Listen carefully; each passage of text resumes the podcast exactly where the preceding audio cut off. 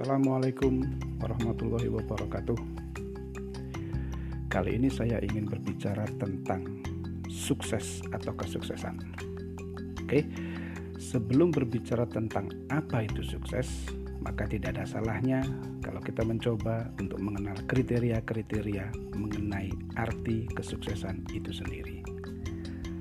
Di luar sana, banyak orang memiliki kriteria-kriteria tersebut, antara lain ketika keinginan tercapai, ketika target-target tertentu tercapai, ketika kebutuhan terpenuhi, dan lain-lain.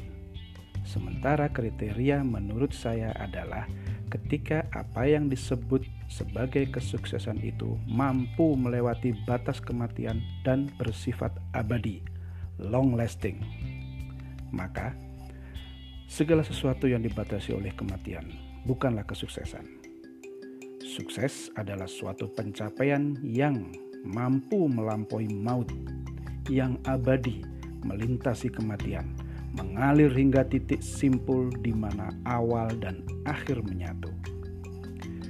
Jika di luar sana orang menganggap bahwa ketika seseorang telah tercapai keinginannya, cita-citanya, target-targetnya, dan kebutuhan-kebutuhannya, dianggap sebagai sebuah kesuksesan, maka menurut saya itu adalah kesuksesan yang sifatnya sementara dan tidak abadi.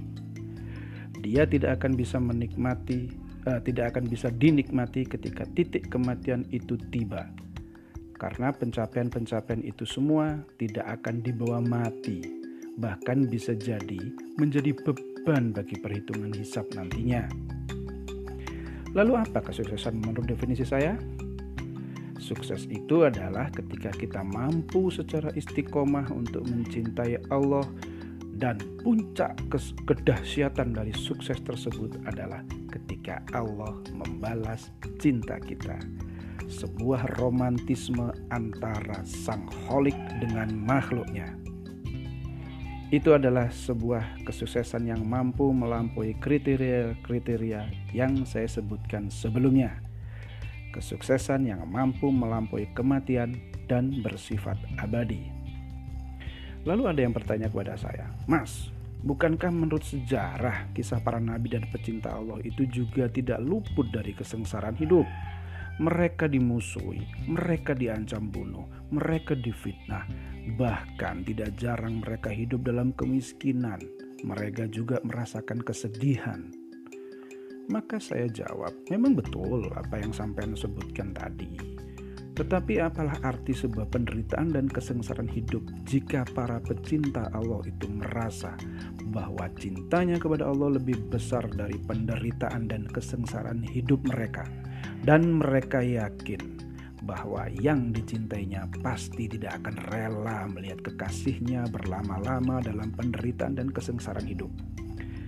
Kalau toh memang penderitaan dan kesengsaraan hidup itu hadir dalam kehidupan, maka itu tidak lebih dari bentuk kemesraan dari Sang Maha Pencinta memberikan ujian kepada yang dicintainya.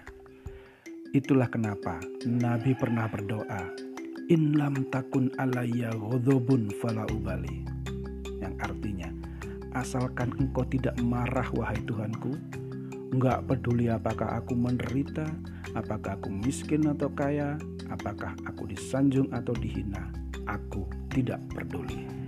Assalamualaikum warahmatullahi wabarakatuh